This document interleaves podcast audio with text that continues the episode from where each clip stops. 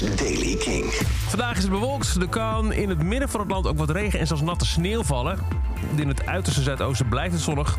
Vanmiddag komt vanuit het oosten overal de zon tevoorschijn en wordt het hooguit 6 graden. Nieuws over Metallica, het Bevrijdingsfestival Utrecht en Inhaler. Dit is de Daily King van dinsdag 28 februari. Michiel Veenstra. Metallica lijkt een nieuwe track van het uh, aankomende album The 72 Seasons te teasen op TikTok. Uh, het is een 1 minuut 20 durende clip.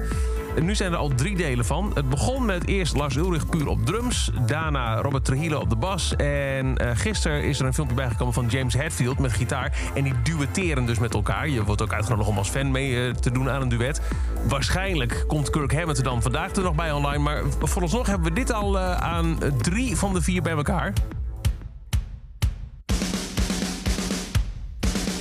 Dit is dus Lars Ulrich. Video 1. En dan komt Robert Trujillo erbij. Oh, nee, dit is, dit is, uh, dit is James Hetfield.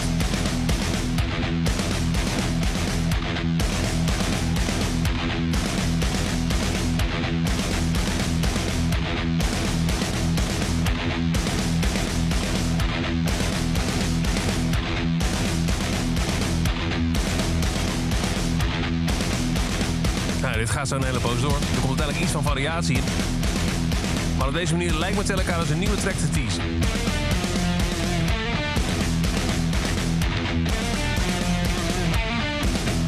Waarschijnlijk vandaag als Kirk er nog bij. En dan, uh, voor je weet, een, uh, een nieuwe release.